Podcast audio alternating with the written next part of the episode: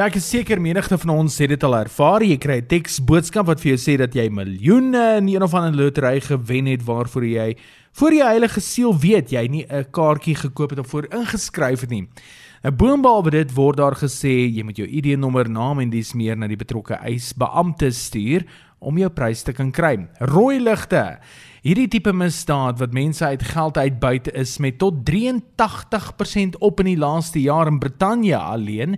Met die vraag wat nou ontstaan maar hoekom val mense vir die slenter en hoe kan dit bekamp word? Nou in Brittanje veral is daar bevind dat mense veral slagoffers was van vals afleweringsboodskappe. Aangesien baie mense deesdae van aanlyn dienste gebruik maak in die pandemie en derhalwe het hulle nie gehuiwer om die verskuilde kostes te betaal nie. Maar in die proses is al bankbesonderhede met 'n vals bladsy ook gesteel. En wat sê die internetpolisie? Hulle sê wees versigtig as jy nie iets kan bevestig nie of jy het nie vir iets ingeskryf nie, dan kan jy mos nou nie wen of 'n prys kry nie, so eenvoudig soos dit.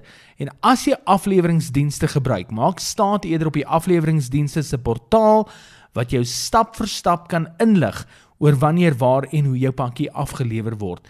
Wees maar net bedag daarop.